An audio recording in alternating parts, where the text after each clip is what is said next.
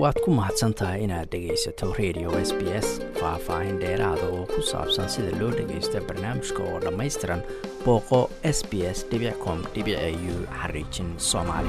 Xogayaha arrimaha dibadda maraykanka ayaa soo saaray digniin uu u jeedinayo siyaasiyiinta soomaaliya oo uu uga digay haddii ay ku kacaan falalka qaarkood in markaasi lagu soo rogi doono xanibaado dhanka safarka haddaba xanibaadahaasu maxay yihiin? Saameyn intee la eg bayse siyaasadda soomaalida ku yeelanayaan maxamed xasan dable waa aqoon-yahan fadhigiisu yahay dalka u k. Khadka telefoonka ee magaalada lester ayaan ku weydiiyey bal sida uu arko arrintaas waxaana u yidhi waxaan u arkaa in ay tahay istraatiijiyad ama yacni siyaasad la doonayo in yani loogu hanjabo siyaasiyiinta soomaaliyeed noqon karo caqabad ku noqon karo geed socodka arrimaha dimuqraadiyiinta sida doorashada oo kale. Doorashooyinka inta badan waa waxa asaasiga u ah nidaamka dimuqraadiga ee xil lagula kala wareego. Arrinkaa marka waxay noqonaysaa arrin ay runtii u qaadanayaan si mataqaanaa culus mas'uuliyiinta hadday noqdaan heer dowladda dhexe ee federaalka iyo hadday noqdaan heer maamul goboleedyo ama dowlad goboleedyo. Labada dhinacba way ku socotaa dhinac gaara ma abaarayso.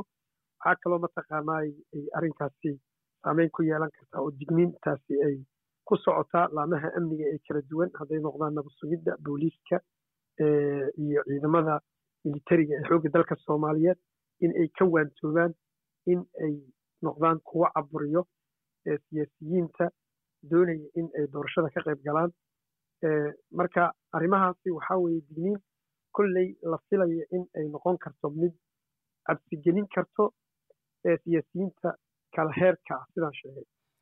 Waa gartay. Marka maxamedow xilligan maxaa ku soo aadiyey baad is leedahay doorashadii? Waa ay socotaa waktigeeda inay ku dhammaataa xataa la filayaa xilligan maxaa ku soo aadiyey baad is leedahay digniintan maraykan ka imanaysa xilligan waxaa ku soo aadiyey sidaad la socoto xasanow waxaa jira tartan u dhexeeyo muxuu ahay dowladaha hadda soo kacay marka horena tusaale ahaan ruushka oo ahaan jiray sovietkii oo hadda soo soo xoogobay oo loo arko mataqaanaa inuu carqalad ku yahay hanaanka dimuqraadiyadda ama dowladaha u ololeeyo dimuqraadiyadda iyo shiinaha marka horeba aan nidaamkaa shaqo ku lahayn bal soo xoogeystay.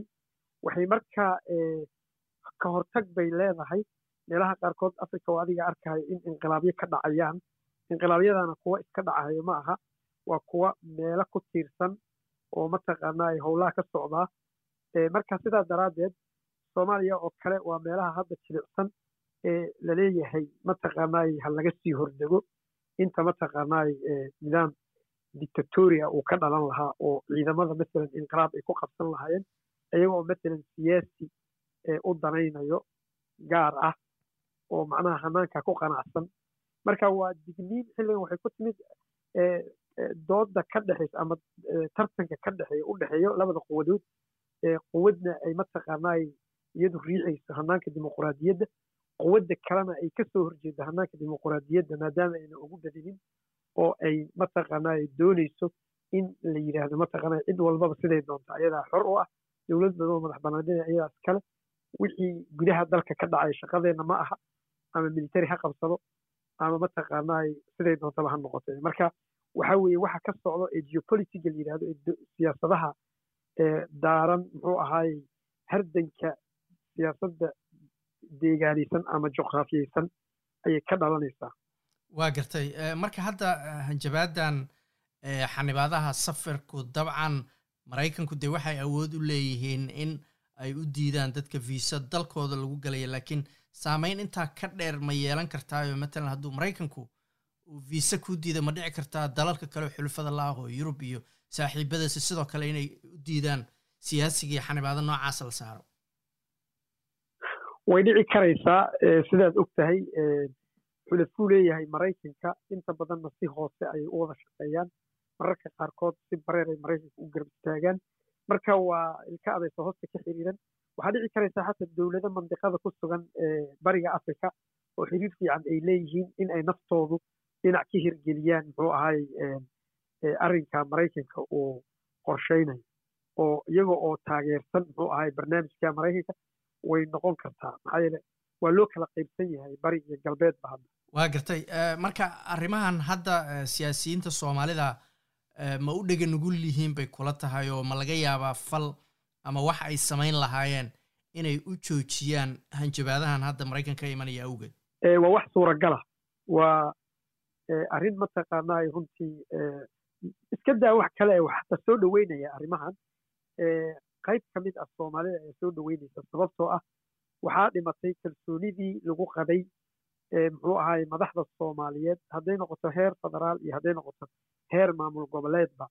Sidaa daraaddeed waxaad moodaa in mataqaanaa marka baaqan ka soo yeeraya dibadda dalka ee dowladahan waaweyn muxuu ahaay saamaynta kule mandiqadeenna ama caalamka in ay ka dhul sugayaan dadka qaarkood in ay arrinkan soo faragashtaan waxaana keentay in siyaasiyiinta ama heer gobol ama heer federaal ay ku guuldaraysan waayeen in ay kalsooni dalka gudihiisa abuuraan. Waxaa dhacday burburba soomaaliya ayay ku dhacday. Dowlad fayd aday ahayd oo mataqaanaa guuldaraysatay haddana heerka ay marayso waa fragile waa macnaha dowlad qarka u saarnaan karta in ay mataqaanaa burburto haddii si xigmadaysan looga dabaalan waayo caqabadaha dalka dibaddiisa iyo gudihiisaba ka jiro. Sidaa daraaddeed dee siyaasiyiintana way xoogaa waxay damacsanaan lahaayeenba. Waxaa laga yaabaa inay yar gaabiyaan oy xoogaa lugta hoos u dhigaan. Waa gartay ma dhici kartaa in inkastoo hadda ay tahay hanjabaad guud oo siyaasi gaara ama hay'ad amniyo gaara aan farta lagu fiiqan ma dhici kartaa in maraykanku isla markiiba ay haystaan baliis ay doonayaan inay ku hirgeliyaan arrimahan oo digniintii hore uun ay tahay laakiin ay dad gaara oo ay og yihiin ay arrintan ku fulin doonaan waa suuragal sababtoo arrinkan aad iyo aad buu u yahay arrin muhiim u ah maraykanka markaad eegto. Markaad fiiriso sanadkan bilowgiisii bishii january waxaa dhaceen laba kulan oo labada xulafe labada quwadoodii isku haya meesha bariga iyo galbeedka midna uu maraykan hogaaminayo midna uu china hogaaminayo sidaad la socotaba maalintii uu qabtay madaxweynaha chinaha uu nidaamkan zoomka uu kula kulmay madaxda afrikaanka ah isaga oo kala hadlahayo muxuu ahayey ganacsiga iyo iskaashi dhexdooda maro. Maalintii ku xigtay maraykankana wuxuu jiray dowlado ilaa boqol iyo xoogaa gaarayo ruushka iyo shiinahana bannaankay ka ahaayeen. Uuna markaa kala doodayey arrimaha dimuquraadiyadda iyo horumarinta dimuquraadiyadda marka arrinkan waa arrin muhiim uu arkayo maraykanka dowladaha yaryar ee aanan macnaha hadda awoodda badan lahaynna. Waa meelaha uu ka fulinaya si ay kuwa kale ugu quus qaataan marka baratankan aan ku sheegahayay ee juqraafiyeysan ee siyaasadda geopolitica ku dhisan ayaa hadda mataqaanaa saameyntiisii ayaa ka fulaysaa gaar ahaan soomaaliya iyo dowlado kale oo haddaba aad arkayso in militariga ay xukunkii la wareegeen galbeedka africa ay u badan tahay in shiinuhu iyo ruushkaba ay ay arrinkaa ka dambeeyaan.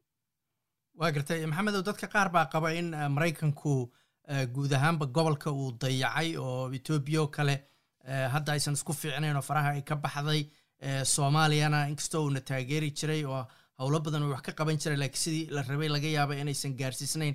Oo hadda gadaalka gaar uun ay tahay hanjabadahan oo iyo dagaalkaas sidaad sheegtay uu kula jiro china ee gobolka aysan wax weyn ka soo baxayn dad baa qaba. Arrintaas ma ku raacsan tahay?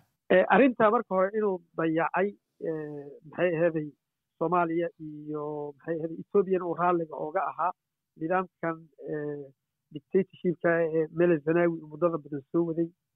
Gadaalna ay tigreeg ku sii maamulayeen ethoobia ururkii e b r f laakiin taladu t b l f bay ka go-isay soomaaliyana aan laga rabin inay xasisho oo heer xataa mararka qaarkood dowladda uu taageeri waayo maraykanka oo uu xoogga saaro muxuu ahay in uu ku adeegto nimankii wuluudyada la baxay uu la shaqaysan jiray oo hataa keentay maxaakiimta inay ka dhashaan muqdisho ka gadaalna uu arkay khatar inay halkaa ka imaan karto.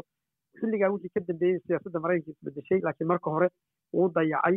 Haddana waxa keenaya in uu arrimahan xoogga saaro waa quwaddan soo dhalatay hadda ee asagu runtii ku ah carqalad meel kasta uu wax ka doonahayaba. Marka hadda waxaad moodaa in arrinkan maraykanka ay muhiim u tahay meelay la gaadhaba oo uu rabo in mataqaanaa xataa soomaaliya markii hadda la danaynaya waa intuu turkiga yimi labada kun iyo kow iyo tobanka. Wixii ka horreeyey muhiim saas looma arkaynin dhan amni un baa laga fiirinaya laakiin hadda waa dhan istiraatiijiyadeed oo weliba muhiim ah daaranna muxuu ahaay hardanka u dhexeeyo quwadaha waaweyn. Marka waxaa dhici karaysaa arrinkan inaan macnaha la sahlan karin oo hadda maraykanka uu yahay mid doonaya in mandiqadan uu ka ilaashado quwadahan kale soomaalidu madaxdoodu ma aha twitter dal shisheeye laga soo qoray inay sugaan in siyaasadooda iyo dowladnimadooda iyo nidaamkooda inay ka shaqeeyaan waxay u baahan yihiin inay is aaminaan iyagoo wada shaqeeyaan oo shacabkoodana ay u turaan baan u fahmi. Waa sidaa gudaha ayay ku xiran tahay inta badan kalsooni laga abuuro gudaha oo waxaan ka wadaa muxuu ahay maxay ahaday siyaasadda arrimaha gudaha oo la wanaajiyo dib u heshiisiino la sameeyo maxay ahaday isfahan siyaasiyiinta dhexdooda dhaco ay gaaraan ayuu xalka ku jiraa. Shee loo kala cararayo wax allaali wax ku jira malaha haddii taa laga mooso oo kalsoonidii la abuuro oo dowlad goboleedyadii iyo dowladda federaalka xiriirkooda wanaagsanaado wada shaqayn buuxdana la arko. Faragelinta xoogaa dib baa lagala istaagahaya oo waxa la odhanayaa haddaan tusaale soo qaato islaantii afartii wiilee doqon dhashaye inta loo heshiiyey la damcay xoolaha in la dhaafiyo markii dambe hooyadood hooyo caqli badan baa dhashay ay ku tira walbal isku imaada oo dhulka xarxariiqa. Maalintii dambaa la arkay markaas war nimankii way tashadeen waa laga kala cararay noocaas oo kale ayaan yani tusaale ahaan u soo qaadanaya haddii la arko intay doqomihii yani doqomo dhihi maayo waa runtii. Laakiin in madaxdii soomaaliya intay isku timaado isku tanaasusho dalka hormariyaan maslaxada dalka hormariyaan marka faragelinta shisheeyaha xoogaa dibbay u hakanaysaa waa laga yaxishoonaya waa garta ugu dambeynta laba asbuuc baa ka hartay hadda waktigii loo qabtay in doorashada xildhibaanada aqalka hoose lagu soo gebagabeeyo waktigeeda ma ku dhacaysaabay kula tahay? Way u badan tahay way u badan tahay sababtaa ilaa hadda boqol waxaan u malaynayaa waa la doortay. Marka waana laba boqol iyo toddobaatan iyo shan marka boqol iyo toddobaatan shan baa dhiman. Waxaad moodaa in si boobsiis ah barnaamijkaasi uu ku soo dhammaan doono kaasina wuxuu ahaa maxamed xasan dable oo iigu warramayay khadka telefoonka ee magaalada lester ee dalka u k. Waad ku mahadsantahay inaad dhegaysato raadiyaha s b s toos u dhegaysa barnaamijka habeenada arbacada iyo jimcada tobanka fiidnimo ama kaga soo cesho website-ka iyaga iyo s b s radio app. Booqo s b s com au xariijin soomaali